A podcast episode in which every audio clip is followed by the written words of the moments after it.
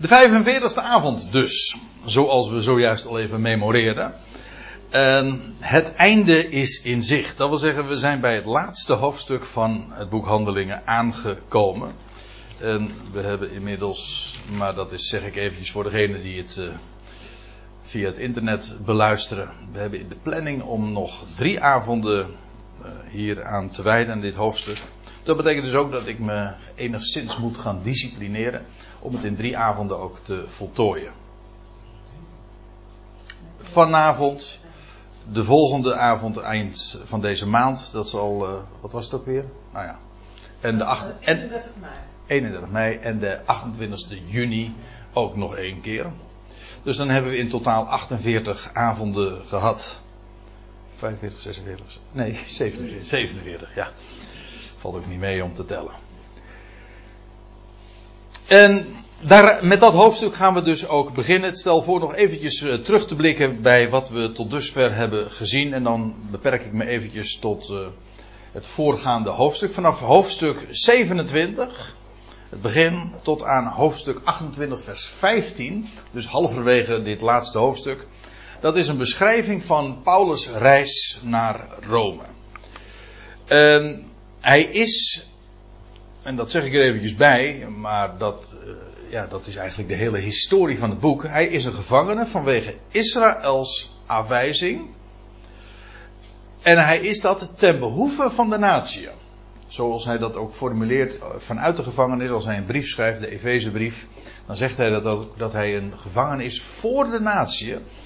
Maar dat is hij vanwege Israëls afwijzing. En ik zeg het er nu ook even bij, omdat die reis naar Rome een beschrijving is van wat er historisch is gebeurd. Maar het is veel meer nog dan dat. Het is een illustratie van het feit dat het evangelie door Israël is afgewezen en zo ook en waardoor Israël als natie ook verloren ging, omkwam of ten onder ging in de Volkerenzee. En dat zie je dus in dat hoofdstuk uitgebeeld. We hebben daar uitgebreid ook over gehad. In hoofdstuk 27 lees je dan dat Paulus' raad, Paulus' advies, om daar op Kreta toch te overwinteren door de stuurman en door de reder van het schip in de wind wordt geslagen. Dat is een, realiseer ik me nu uh, eigenlijk een tamelijk dubbelzinnige manier van uitdrukken, want het ging juist fout vanwege de wind. Wat zeg ik? De orkaan die daar uh, woei. Of zou gaan waaien. Paulus' raad wordt uh, door de stuurman en de reder van het schip in de wind geslagen. een uitbeelding dus van Israëls leiding. Dat schip is een uitbeelding van Israël. En de stuurman en de reder zijn een beeld van de politieke en gods, godsdienstige leiders, pardon, van, van het volk. Um, ze hebben niet naar Paulus' raad geluisterd en dat wordt hen ook, en dat wordt het schip fataal. Want eerst gaat de lading, het graan, een beeld van het woord wat ze met zich meedroegen, verloren. En tenslotte, uh, na vele weken rondgedobberd te hebben, uh, dat hun ook alle moed en hoop werd ontnomen. Tenslotte breekt het schip. Maar, en dat is Paulus' reis, uh, Paulus' uh, woord ook vanaf de aanvang. Niemand zou verloren gaan. Allen zouden behouden aankomen. Geen kalme reis. Zoals we dat dan op uh, vele wanden zien uitgedrukt. En het is precies eigenlijk de waarheid van Handelingen 27. God belooft geen kalme reis, maar wel een behouden aankomst. En dat voor iedereen. Feitelijk is dit hoofdstuk 27 en wat Paulus' rol daarin is en Paulus' bediening ook illustratief voor zijn hele boodschap. Aan de ene kant het is een hele slechte boodschap, slecht nieuws voor wat, er, voor wat Israël betreft. Dat wil zeggen, Israël gaat ten onder om in de Volkerenzee voor een zekere tijd. Dat is het slechte nieuws. Het goede nieuws is dat allen behouden zullen aankomen. Dat is juist de boodschap van de genade Gods die reddend is verschenen.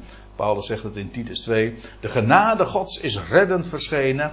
Redding voor alle mensen. En, nou ja, dat is dus wat in dat hoofdstuk naar voren gebracht wordt. En dan, en daar gaan we het vanavond over hebben. Hoofdstuk 28, vers 1 tot 15. Dat dan beschrijft de de overwintering op Malta, het eiland Malta. En dat, is dan, dat zijn de eerste tien versen. En dan vervolgens nog de, uh, van vers 11 tot en met 15. Dan het vervolg van Paulus' reis tot aan Rome aan toe. En dan vanaf uh, vers 16 uh, gaat het over Paulus' verblijf daar. En nou ja, daar sluit het boek dan ook mee af. Ik zou het ook zo kunnen vertellen, en dat is meteen ook even een, een typologische indruk van, van het hele verhaal, dat wil zeggen van Paulus' reis naar Rome. Hoofdstuk 27 uh, beschrijft het vanuit het ene oogpunt. En handelingen 28, Paulus verblijft daar op Malta met name, vanuit een ander venster bezien. Het is eigenlijk, het, ik noem het daarom ook met, uh, met recht een tweeluik. Hè, twee vensters op hetzelfde panorama, maar vanuit twee verschillende uh, perspectieven bezien.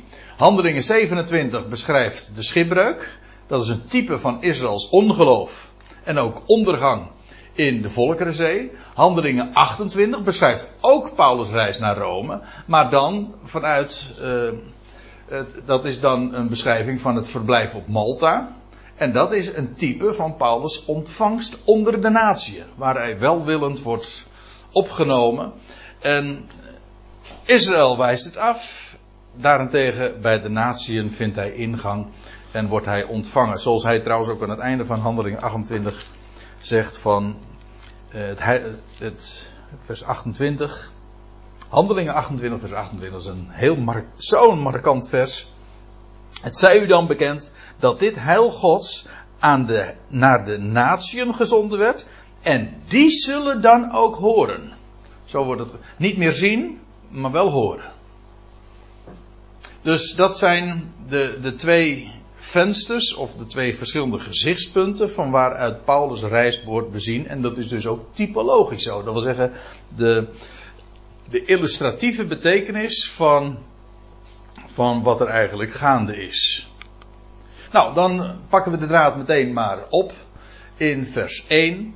En dan zien we, of dan, daarin zie je trouwens ook dat het een direct vervolg is op wat we hebben gezien, namelijk dat uh, dat mensen, dat de bemanning van het schip, of alle mensen die meevoeren, 276 man weet u nog, die spoelden aan uiteindelijk op het, uh, aan land. En dan lees je in vers 1, maar goed, die hoofdstukindeling, die, uh, daar moet je niet te veel van aantrekken, want die is later aangebracht. Alleen maar handig om dingen terug te vinden, maar dat is het zo ongeveer ook. En toen wij behouden aankwamen, allemaal dus, beseften we dat het eiland Malta wordt genoemd. Dat wisten ze dus in aanvang niet. Ze, ze hadden gezien dat er een baai was. Trouwens, dat is wel interessant, want tot op de dag van vandaag is die, die baai ook bekend. Dat wil zeggen, die baai wordt aangewezen. Want ik zal eventjes een kaartje dan voor, voor de helderheid vertonen. Dat is heerlijke als je, zeker als zo'n boek als dit, met eh, vele reizen bespreekt, dan, dat je dan ook zo'n kaart kan tonen en dat je kan zien van ja, al die plaatsnamen die dan genoemd worden, dan krijg je een veel duidelijker beeld. Uh, Paulus was dus, uh, nou ja, die, ik was daar in Mira nog geweest, weet u nog. Zo langs Rhodes gevaren, het bekende eiland. Was hij bij Salmone aangekomen bij goede reden, fair havens, maar dat is Engels dus. De goede reden, of hoe, heet dat? Voortreffelijke havens. En, nou ja, toen zijn ze weggevaren en hier in de grote problemen gekomen en zo, uh, nou ja, hebben ze wekenlang rondgedobberd op, het, uh, op de Middellandse Zee. En uiteindelijk komen ze dus hier aan op het eilandje Malta. Maar trouwens, uh, is dat, was dat niet onlangs nog, betrekkelijk recentelijk, dat er een of andere grote uh, conferentie ook was gehouden van wereldleiders op Malta? Staat me zoiets bij. en de reis wordt dan vervolgd. Maar ik zal deze kaart trouwens nog een paar keer vanavond wellicht laten zien. Maar uh, hier dus het eilandje Malta, om het eventjes in te zoomen. Dit is het eiland, Malta. En de baai die, waar Paulus het over heeft, die wordt algemeen aangenomen dat dat deze baai is geweest. Vandaar ook dat het nog steeds heet St. Paul's Bay. En uh, ik ben er zelf nooit in Malta geweest, wie wel? Ja? En uh, het, eiland schijnt vergeven te zijn van allemaal uh, herinneringen aan Paulus' verblijf. Slechts drie maanden daar. En allerlei kerken, standbeelden. In, wat is de hoofdstad? Valletta geloof ik, als ik me niet hè? Ja. En ook namen die daar ook mee te verdoen hebben. Publius, die naam zullen we ook nog tegenkomen. Julius, de, uh, dat was de, niet, uh, uh, de Romeinse hoofdman, de centurio. En in ieder geval, er, is, er zijn heel veel kerken, kathedraal zijn er allemaal naar genoemd. Dus hij wordt daar zeer geëerd. Ik, ja, grotten. Ja, waar die, ja, ja, waar die verblijf zou hebben gehouden. Ja, er is natuurlijk ook weer heel veel gefantaseerd. Grote standbeelden. Ik denk wel dan bij mezelf. Uh, ja, dat is natuurlijk vooral ook weer rooms-katholiek werk. Men, uh, men boogt dan op uh, ja, grote gebouwen en, en zulk uiterlijk vertoon. maar van de boodschap heeft men niks vernemen. Alleen al dat men van die reusachtige beelden maakt van, van Paulus. Hij, ik denk bij mezelf. het is maar goed dat hij het nooit gezien heeft. Nee, dat, is zo, dat staat zo uh, haaks op dat wat hij juist te melden had. Maar goed, dit is dan die, uh, die baai vermoedelijk, die, en die ook wordt aangewezen. Dit is trouwens een plaatje van St. Paul's Bay. Waar, die dus, waar ze dus gestrand zijn, daar aan, aan het land. En dan lees je, en de barbaren verschaften ons, zo staat het in de, zo staat het eigenlijk letterlijk. In, eigenlijk dat woord barbaar, dat betekent niet Grieks sprekend. En als je een MBG-vertaling hebt, dan staat er de inlanders. En ik meen de Staatvertaling zegt wel barbaren, klopt dat? Ja. Uh, alleen het punt is, uh, ja, het heeft inderdaad soms de klank van onbeschaafd. Want ja, Grieks betekent, was toch de, de, de, de taal van de beschaving. En dat betekent dus dat alles wat niet Grieks sprekend was, dat is gewoon een vaststelling. En dat zijn dan de inheemse volkeren, mensen die niet Grieks spreken. En dat, daarin kan de notie of de klank zitten van onbeschaafd. En dat heeft het bij ons in ieder geval nog steeds. Want ons woord barbaars, nou ja, daar, uh, dat, daar uh, vind je weinig positieve uh, gedachten bij. Is het wel? Onbeschoft, monsterlijk, wat zijn allemaal synoniemen voor barbaars.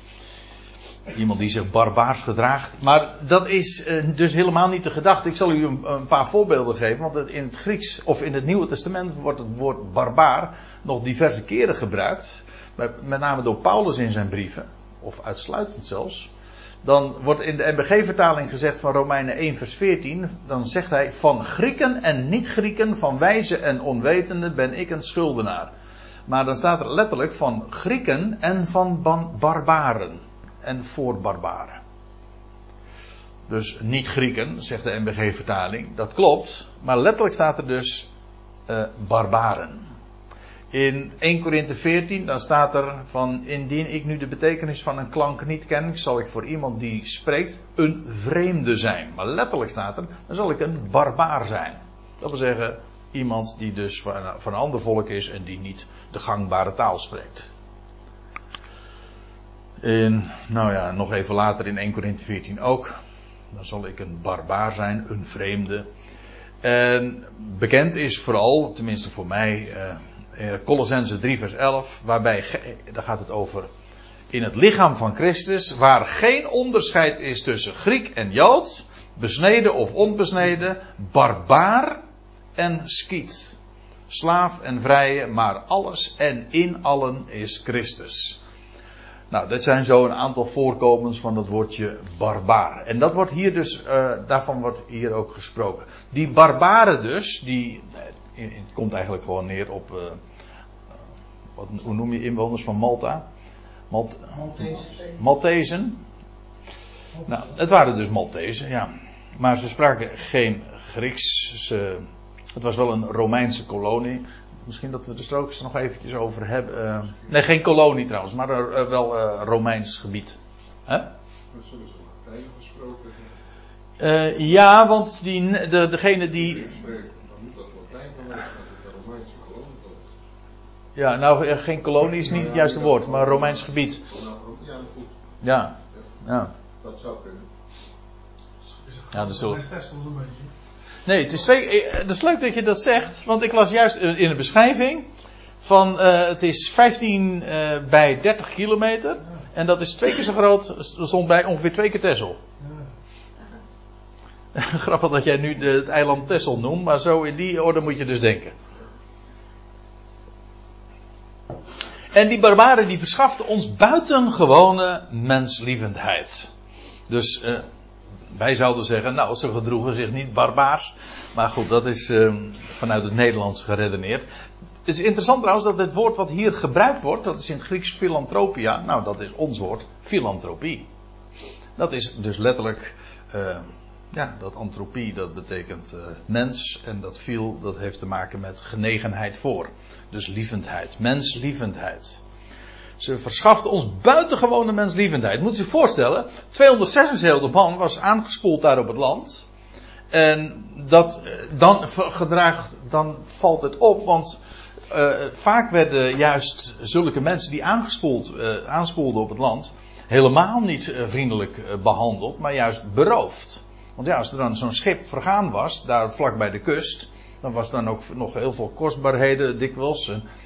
Dan was er wat te halen. Dus die werden bepaald niet. Uh, die werden bepaald niet zo uh, menslievend benaderd. Dus die barbaren die zich nu zo opstelden.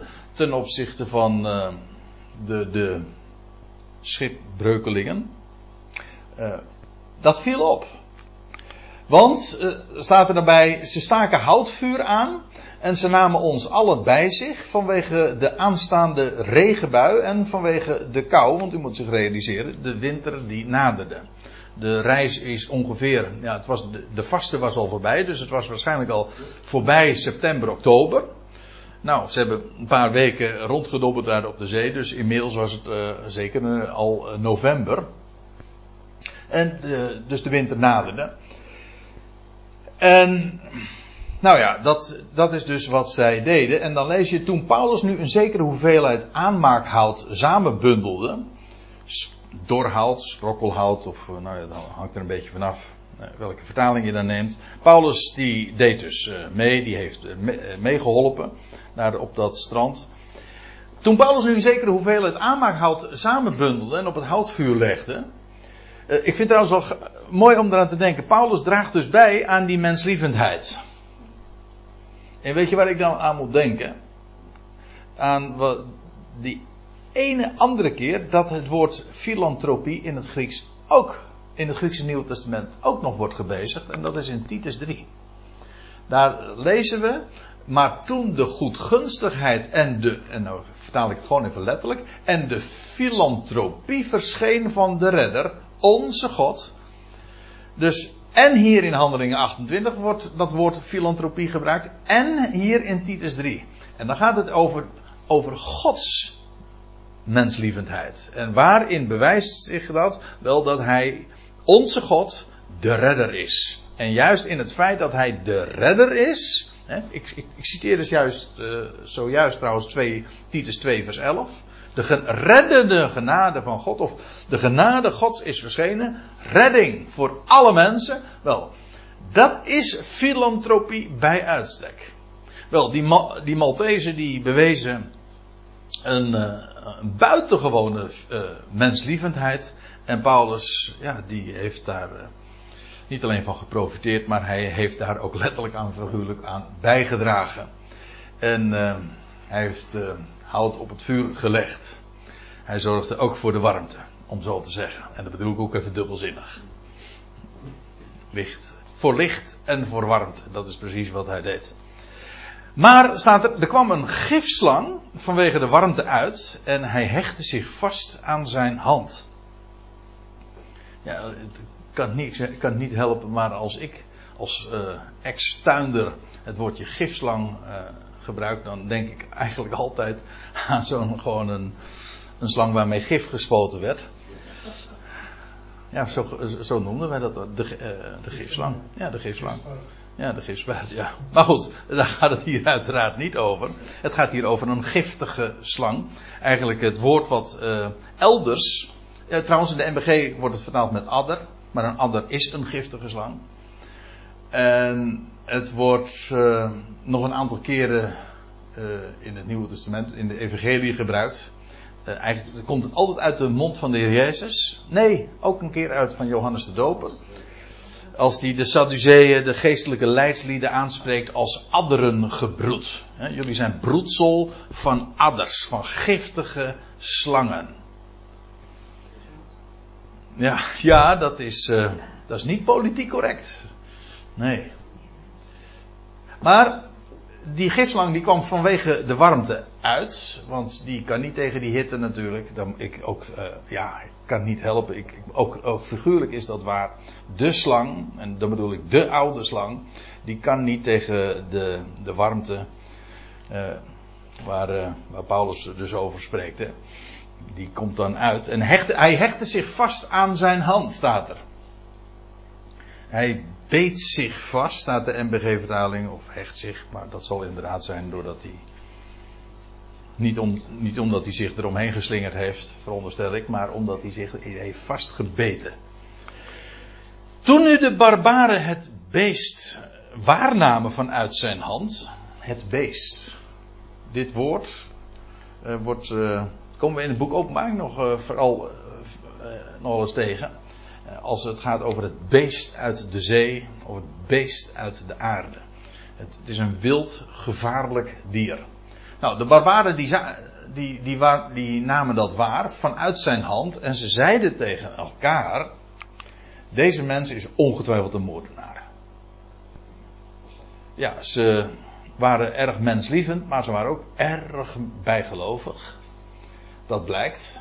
Want hun redenering was: uh, Deze mens is ongetwijfeld een moordenaar die nu, behouden uit de zee gekomen, de gerechtigheid niet toelaat te leven. Nou moet, moet ik even toelichten. Want ze zeggen van ja, hij is nu weliswaar uh, ontkomen aan de gevaren van de zee. Maar de gerechtigheid, die neemt wraak en die, die zal hem nu toch niet in leven laten.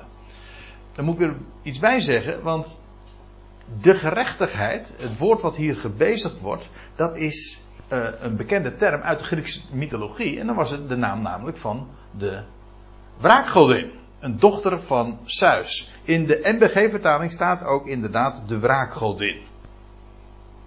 De, en dat is dus de godin van de wraak, oftewel de godin die zorgt dat er alsnog het recht gehandhaafd wordt.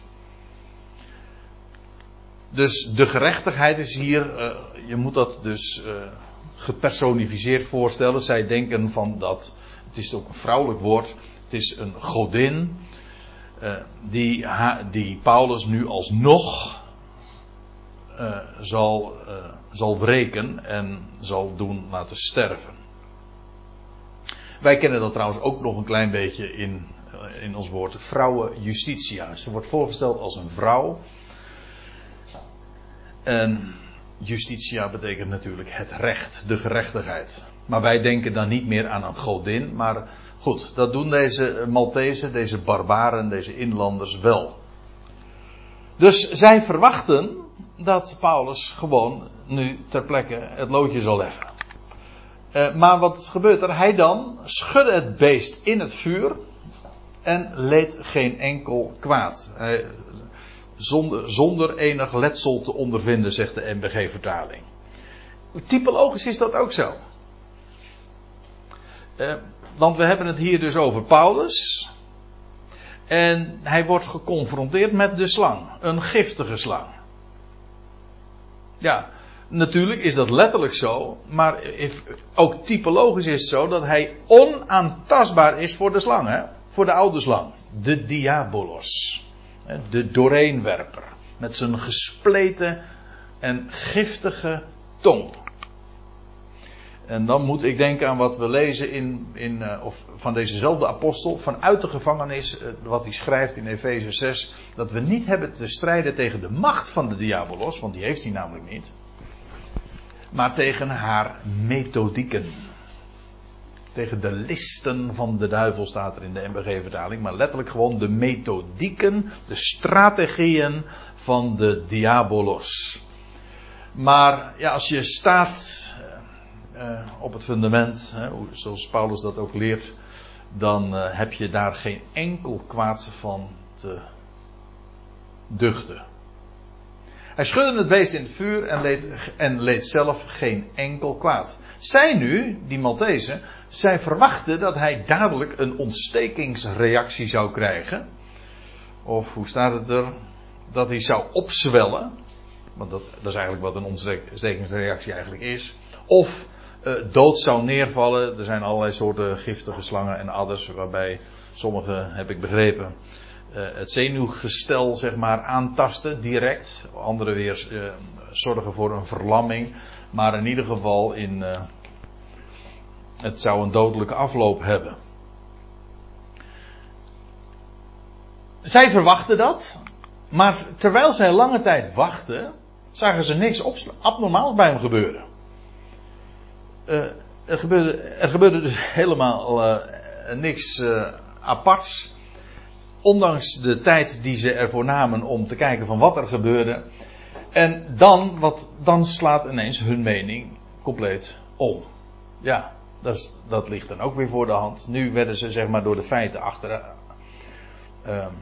hoe zeggen ze dat? Door de feiten ingehaald het blijkt anders zijn. Eerst hield men Paulus, als je het, ik vind dat eigenlijk wel mooi om er zo aan te denken. Eerst hield men Paulus voor een handlanger van de dood, een moordenaar. Nu blijkt hij sterker dan de dood. Eerst een handlanger van de dood, die de macht van de dood heeft. Maar nu blijkt hij dus uh, zelfs onaantastbaar te zijn voor de dood. En dat is natuurlijk precies ook wat zijn boodschap is. Sterker dan inderdaad de slang en hem die de macht van de dood heeft. Daar moet ik ineens aan denken, Hebreeën 2. Hem die de macht van de dood heeft, die is ontroond.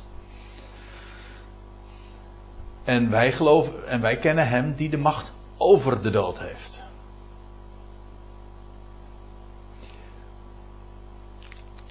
En afijn, zij, uh, hun mening sloeg om en nu zeiden zij dat hij een god was je krijgt hier eigenlijk een herhaling van een soortgelijke geschiedenis als dat we eerder hebben gelezen. Dat was al een hele tijd geleden. We zijn nu in handelingen 28. Dat was toen in handelingen 14. Dat hij in Lystra was. En dan lees je ook dat uh, zij samen met Barabbas, sorry, Barnabas, dat, die, dat ze worden aangezien voor goden. De goden zijn in mensengedaante tot ons neergedaald, roepen ze dan. En dan, gaat, dan, denkt, dan trekt Paulus van leer en dan zegt Nee, we zijn net als jullie zwakke mensen. En dan wijst hij hen ook op de levende God. Hier lees je dat trouwens allemaal niet. We weten ook helemaal niet van Paulus' verkondiging daar, op Malta. Maar eh, alleen wel van uh, een paar uh, markante gebeurtenissen. Hier hier slaat hun mening om en nu beweren ze van, of menen ze dat hij een God was. En dan, we lezen verder, en in de streken rondom die plaats waren stukken grond, het bezit van de voornaamste man van het eiland, letterlijk de eerste, proto. En waarschijnlijk dan de eerste als bestuurder, dat is eigenlijk een, eh, een functieaanduiding dus eigenlijk een vertegenwoordiger van het Romeinse gezag. En zijn naam is Publius. Dat was, heb ik eens nagekeken, maar dat, is, uh, dat was in die dagen een hele bekende Romeinse naam. Zo in hetzelfde trant als Julius en Marcus. Allemaal zo ook eindigen met us. Het is trouwens interessant dat Publius het is afgeleid van dezelfde stam als het woord populus en ook publicus. En dat in beide gevallen, populus, hè, denk aan het woordje populair, dat betekent eigenlijk van het volk. Maar publicus, hè, publiek, dat betekent eigenlijk ook, komt ook van het Latijn. En dat betekent ook gewoon het volk. De, de people. In het Engels, het is eigenlijk via via, via het Latijn, is het nog weer in het Engels gekomen. Misschien in andere talen ook, dat weet ik eigenlijk niet. Maar in ieder geval, uh, people. Peuper in het Frans is le peuple. Ja, en bij ons zeggen we dan nog gepeupel. Gepeupel komt eigenlijk ook van people. En hier dus, dus eigenlijk is het het woord. Uh, um, wat is het? Uh, poplio. Poplio, dat is dus dat woordje popie, hè? Popiopie zeggen ze dan. Popie, maar dat is populair. En dat is dus eigenlijk uh, van het volk. Als je populair bent, dan ben je iemand van het volk. Nou, die naam, Publius.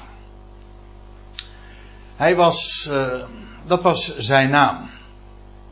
En van die man lees je, hij was de voornaamste. Het is trouwens interessant, we zijn dat nu al in de loop van de hoofdstukken al zo dikwijls tegengekomen. Dat Paulus in aanraking komt met de vooraanstaande mensen. En dat is in de praktijk ook al heel effectief. Niet dat Paulus dit gezocht heeft, maar zo is het gegaan.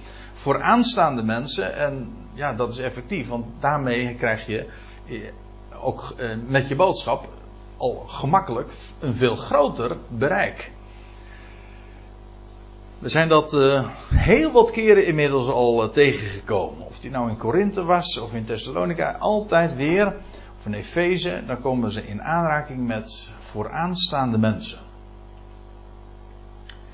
In dit geval, uh, ze waren dus daar bij die baai en daaromheen waren daar stukken grond, het bezit van, nou ja, van deze voorname man, Publius. En die ons onthaalde. Het is niet helemaal duidelijk wat, hier bedoeld, wat hier bedoeld wordt met ons. Ik mag aannemen dat het al, toch de, alleen die kring is van Paulus. Dat het niet al die 276 man zijn geweest. Um, dat laat, later is trouwens ook. Uh,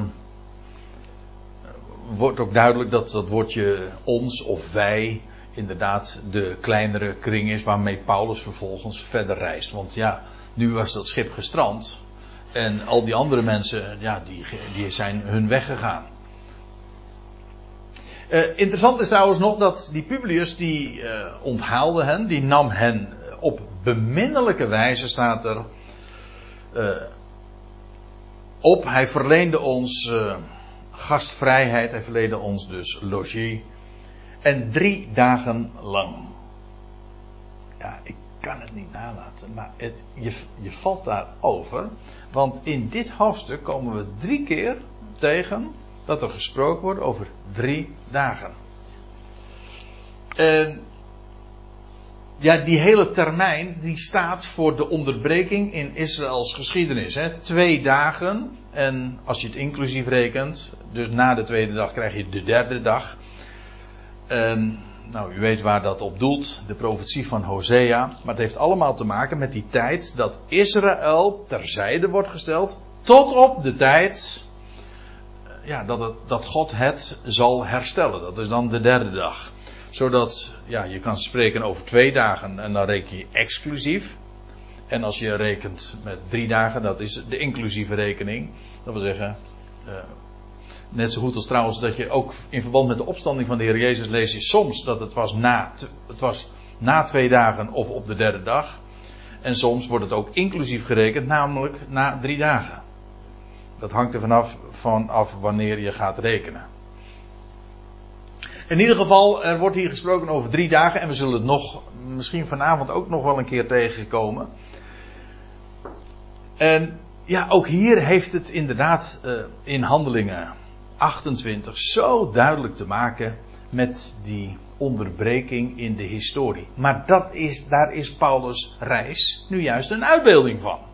Zodat als dan vervolgens in, dat, in de loop van het verhaal iedere keer gewezen wordt op drie dagen, trouwens ook nog drie maanden, dat zullen we straks zien, dan, dan verwijst dat inderdaad naar die onderbreking in de heilsgeschiedenis. Trouwens, uh, aan het einde van dit hoofdstuk, Dat duurt nog even voordat we daar zijn, maar aan het einde van het hoofdstuk dan lees je, zo, zo sluit de hele geschiedenis af dat Paulus in Rome is en hij verblijft in zijn gehuurde woning de termijn van de volle, de volle termijn van twee jaar.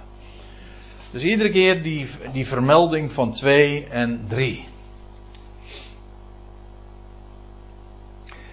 Zo wordt het dus uh, beminnelijk daar uh, uh, gastvrijheid verleend. Maar dan staat er in vers 8: Het gebeurde dat de vader van Publius door koortsen en dysenterie gedrongen ter neerlag. Hier, het woordje dysenterie, dat kennen wij natuurlijk ook, maar dat is letterlijk wat hier staat: dysenterio.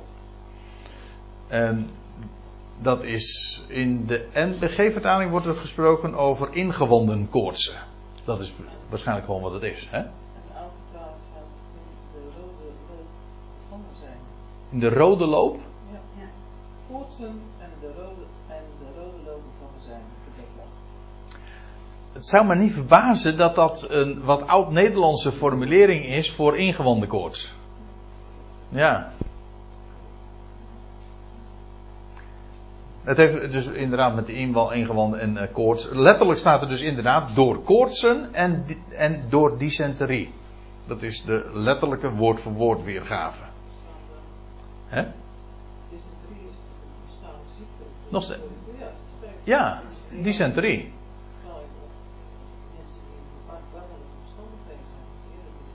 Ja. Ja.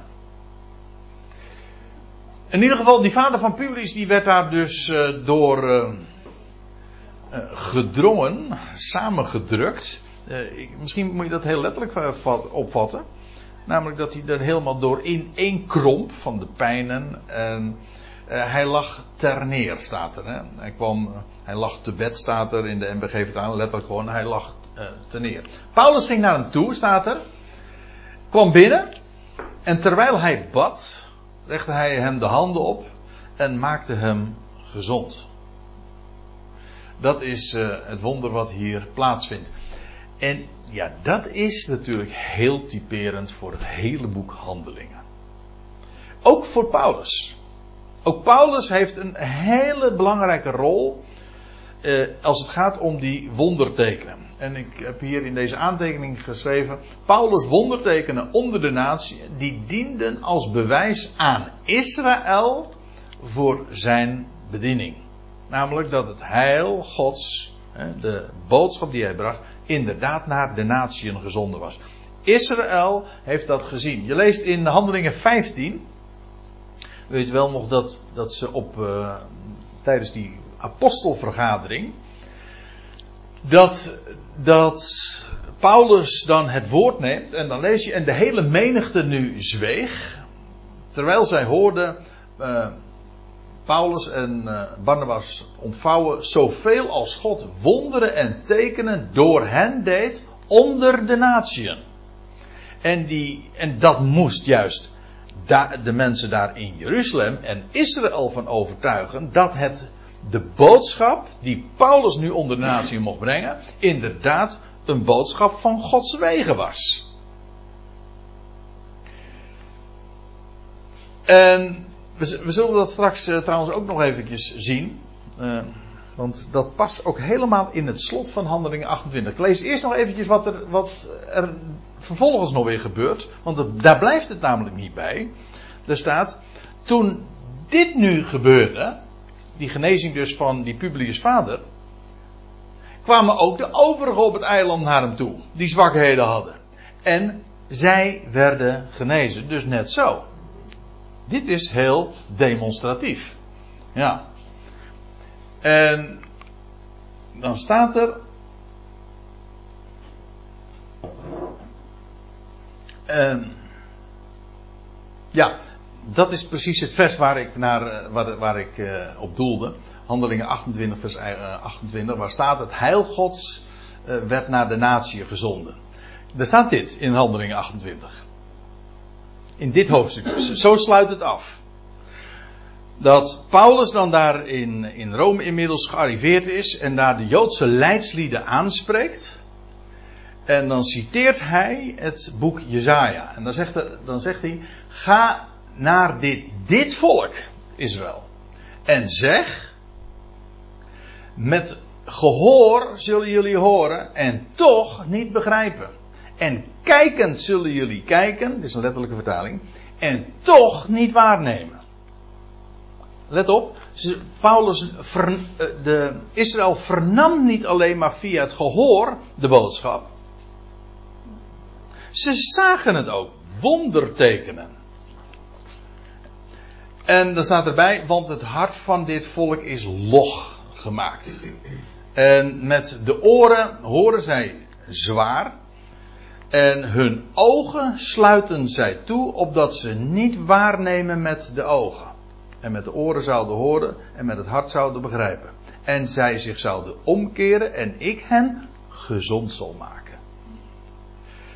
Waarom citeer ik dit? Wel, Paulus, of het volk van Israël heeft in het boek Handelingen gezien vele wondertekenen. Eerst in Jeruzalem door de handen van de twaalf. Vervolgens, eh Israël geloofde niet en toen ging, eh, heeft Paulus, is werd Paulus geroepen, ging naar de natie toe. En ook onder de natieën heeft Paulus vele wondertekenen verricht. Waarom? Opdat Israël zou er zeker zou zijn en zeker zou weten. Niet alleen dat ze het horen, maar dat ze het ook zouden zien. Dat het heil, de boodschap van redding naar de natieën was gegaan. En zouden zij dit inderdaad hebben ontvangen en, en ja, hadden ze dit inderdaad gehoord en gezien en ook werkelijk waargenomen, wel dan hadden ze het ook met hun hart begrepen en dan hadden ze zich omgekeerd en dan zou God zijn volk inderdaad ook hebben hersteld. Het is niet gebeurd, dus zo eindigt het boek eh, Handelingen ook. Maar dit is precies wat voorgehouden werd. Jezus. Ja, precies. Dat zei Petrus 3. Eh, Dat zei Petrus in Handelingen 3. Ja, ja, Maar wat zou er dan staan dan voor dat dat gebeurt? ja. Dit is dus een feit. Is er al struikeling waar die het over heeft? Ja, precies. Maar daar blijft het dus niet bij. Maar daar moest een struikeling plaatsvinden. Ja. Dit moest gewoon gebeuren. Dit moet, je bedoelt dat ze zouden struikelen. Ja, absoluut. Dit, Ja. is dus, dit is dus hun struikeling. Ja, dit is hun struikeling. Ik- Ja. Je kan wel zeggen, ja, ze hadden zich. Nee, dit past in Gods plan. Absoluut. Ja, ja, dit is wel zo. Dit is wat achteraf wordt vastgesteld. Dat kunnen wij nu zien. Ja, precies. Toen niet. Toen in eerste instantie werd de boodschap gebracht en werd gedemonstreerd met wondertekenen. En ook met de boodschap, als jullie geloven, als jullie dit inderdaad aanvaarden, dan zal de Messias terugkeren en dan zal het koninkrijk hier op aarde en voor Israël en, en voor de hele wereld baan breken. En wij hebben dus kennis aan die drie geweldige brieven, Efeze, Filippenzen Ja. en Colossense. En dat is voor ons eigenlijk Ja. de eye-opener voor dit Absoluut, absoluut. Ja. ja, dat kan niet missen. Het, het moest inderdaad zo gebeuren. Maar de, de boodschap in het boek Handelingen is inderdaad met het oog op Israël dat zich zou bekeren. En En- tot het einde ook niet zo vastgehouden heeft. Dat hij in de veronderstelling was, zij gaan zich toch nog een keer bekeren. Doe mijn uiterste best. Eh, nee, ja, dat, eh, nou dat is, dat is een goeie. Ja? Ja, eh, ik, ik- het lijkt mij, ja, want het is nu, het is al natuurlijk al verschillende keren eigenlijk deze vraag aan de orde gekomen. En ik hoop eigenlijk de laatste keer, als we, de, als we die laatste versen van het boek Handelingen eh, zullen bespreken, dat dat nog ook wat uitgebreider aan, aan de orde komt. Want ja, dat is heel belangrijk. Want het is namelijk zo dat, dat feitelijk de twaalf die, die prediken de boodschap. Als jullie je bekeren, dan komt de Heer terug. En dan zal de Messias terugkeren. En dat is ook eigenlijk nog steeds met het oog op die verwachting. Paulus' boodschap heeft nog steeds de mogelijkheid van Israël kan zich bekeren. Maar het is, Paulus, Paulus vertelt nooit van als jullie je bekeren, dan, dan komt de Heer terug. Hij waarschuwt hen juist. Dat zie je dus ook net als op het schip, weet je wel. Hij waarschuwt hen juist voor een drama. En dat is het verschil ook met de, tussen de twaalf in aanvang, die, die zeggen van, die bij de schone poort, en die wijzen, ja letterlijk en figuurlijk, bij de schone poort wijzen ze hen op het geweldige perspectief van het Messiaanse Rijk dat zou kunnen baanbreken in hun dagen. En Paulus is juist degene die zegt van, eh, als jullie je niet bekeren, dan gaat zich een, een, een, een drama voltrekken. Dus, dat is, de, dus de klank, dus de, de, inga, uh, de optiek en de, de, ja, de, de gevoelswaarde is heel anders. In het ene geval is het een, een goede boodschap, in het andere geval is het een waarschuwing al inmiddels. Dat, ja. Ja. Dat, is, dat is voor mij ook, ik heb er veel over mogen, ja, sorry dat ik het net onderbreek, maar over dit fenomeen na. Hij ging dus heel ver met die twaalf apostelen ja. Zo moet zien. Hij waarschuwt ze. Dit... In zijn hart had hij verlangd dat ze zich bekeerd. Ja. Maar hij wist aan de andere kant dat dat niet Nee, hij, hij, Paulus ging er al vanuit dat het niet zou gebeuren. Ja, ja. Ja, dus eigenlijk, het, komt er eigenlijk op neer. De, de deur viel al dicht. Alleen in handelingen 28 komt valt hij in het slot. Maar hier, tot handelingen 28 staat de deur nog, weliswaar op een kier, maar hij staat nog open. Dus ja, dat is, uh, dat is eigenlijk wat, er, wat, wat zich aftekent in het uh, gedurende ja, al die uh, hoofdstukken vanaf hoofdstuk 1 tot 28. Ja, dat is handelingen 3. Ja, dat hij zegt van. Uh, oh, oh, in de Petersbrief. Ja, brief. Dat hij insinueert dat het, uh, dat het is. Ja. Nee. Dat is misschien niet goed. Nee, dat in nou. Jezus zou komen. Dat koninkrijk, dat dus. In zijn dagen. Nou. Uh, ik zou niet zo direct weten. In de tweede Petersbrief lees je wel dat Petrus inmiddels zegt van. Uh, ja, nee, maar dan weet hij inmiddels van. Uh, nee, dat gaat nog een hele tijd duren. Hij zegt, dan zegt hij, we weten wel dat in de laatste dagen. En dan zegt hij, je moet er niet meer denken in termen van, van onze dagen. Maar meer in termen van duizenden jaren. En zij. Wat zeg je? Van de week heb ik het nog zo zitten lezen. Eh, kijk het nog eens even na, dan zullen we het in de pauze nog even over hebben. Als je, niet, eh, als je, niet, goed, als je het niet erg vindt. En dan lees je nog, en zij eerde ons, zij die, die inwoners van Malta, zij eerde ons met vele eerbewijzen. Je mag ik, vele eerbewijzen, dankbetuigingen, geschenken in natura of geld. En toen wij wegvoeren, legden zij dingen aan boord eh, die wij behoefden. Dus dan zou je denken aan kleding, misschien aan voedsel of uh, andere dingen. Dus het verblijf daar uh, is zeer gewaardeerd. En dan staat er na drie maanden nu. Ja, het was eerst drie dagen en nu drie maanden. Na drie maanden nu, dus dat is precies die winterperiode. Het winterseizoen. Na drie maanden nu voeren wij weg in een Alexandrijns schip. Hé, hey, dat is interessant.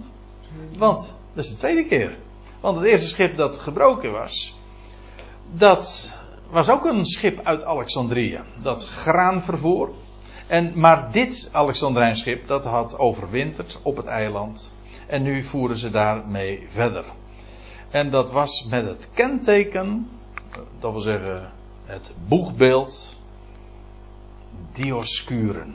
En ik vind het nou zo leuk dat wij hier deze Bijbelstudie mogen houden op Castor. 47 is het niet. En Castor. Nou, uh, laat ik dit nog even erbij zeggen. Dan gaan we er straks nog eventjes op verder, want het is echt heel boeiend. Want Dioscuren, Dios dat betekent van Zeus, en dat Kuroi dat betekent jongens of zonen. Dus eigenlijk zonen van Zeus. En dat waren uh, tweelingbroers, de Dioscuren. Mythologische tweelingbroers, en met de naam Castor en Pollux. Ja. En ik vond het zo leuk. Hè? Ja, Pollux ligt hier, hier hiernaast. Ja. En dat zijn trouwens de. Dit Dioscure, dat is Grieks. Castor en Pollux, dat zijn de Romeinse namen dan van die twee. Ja, in de oude vertaling staat Castor en Pollux. Nou ja, dat is vanuit het Latijn, maar eigenlijk letterlijk staat het dus Dioscuren. Maar dat kennen wij nog, want Castor en Pollux, oftewel de Dioscuren, die zijn, eh, die vormen het twee, eh, een sterrenbeeld. Een van de grote, een van de grote twaalf sterrenbeelden, en dat is Gemini, oftewel tweelingen. Ik weet niet in hoeverre jij of u op de hoogte bent van sterrenbeelden, maar een van de sterrenbeelden is toch echt tweelingen. En waarom zegt Lucas dat hier nu zo? Nou ja, dan kun je zeggen dat is historisch, gewoon. Dat schip dat voert dat, dat kenteken, heeft verder geen betekenis. Nou, dat ga ik nu betwijfelen, maar ik stel voor dat we eerst even gaan pauzeren.